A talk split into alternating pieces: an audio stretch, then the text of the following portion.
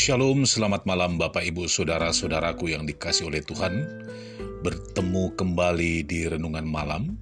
Hari ini, 29 September 2020. Dan tema kita pada malam hari ini berbicara tentang nama Yesus yang sangat berkuasa.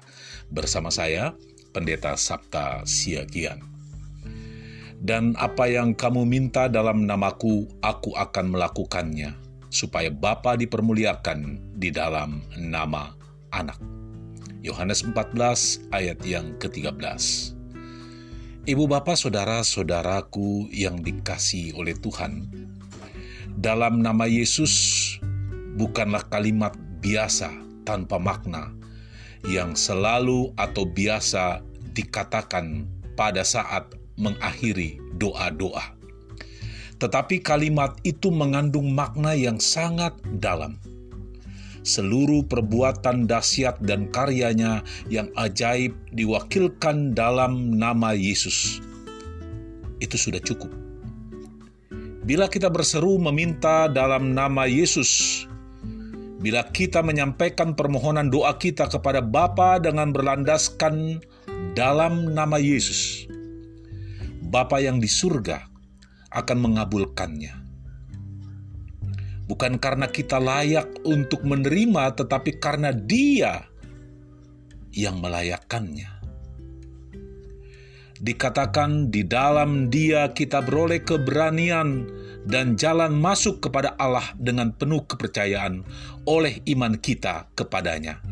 Efesus 3 ayat yang ke-12. Ibu bapak saudara-saudaraku yang dikasih oleh Tuhan, jadi kita harus percaya dengan iman bahwa nama Yesus menyandang cukup kekuasaan untuk menjamin doa-doa kita dikabulkan. Rasul Paulus mengatakan bahwa nama Yesus adalah nama yang berkuasa di atas segala nama.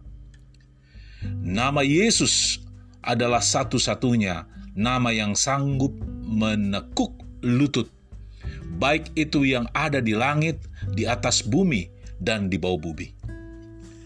Iblis gemetar mendengar nama Yesus, dan nama Yesus satu-satunya yang sanggup mengusir setan dan segala kuasa jahat, roh-roh jahat.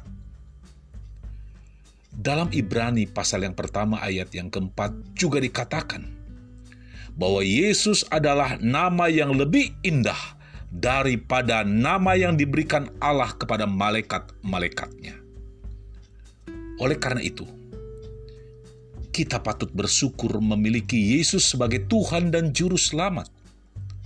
Selain memperoleh keselamatan di dalam Dia, namanya juga menjadi jaminan bahwa doa-doa kita didengar dan dijawab oleh Tuhan. Jadi nama Yesus adalah matrai untuk mengesahkan doa-doa kita. Luar biasa.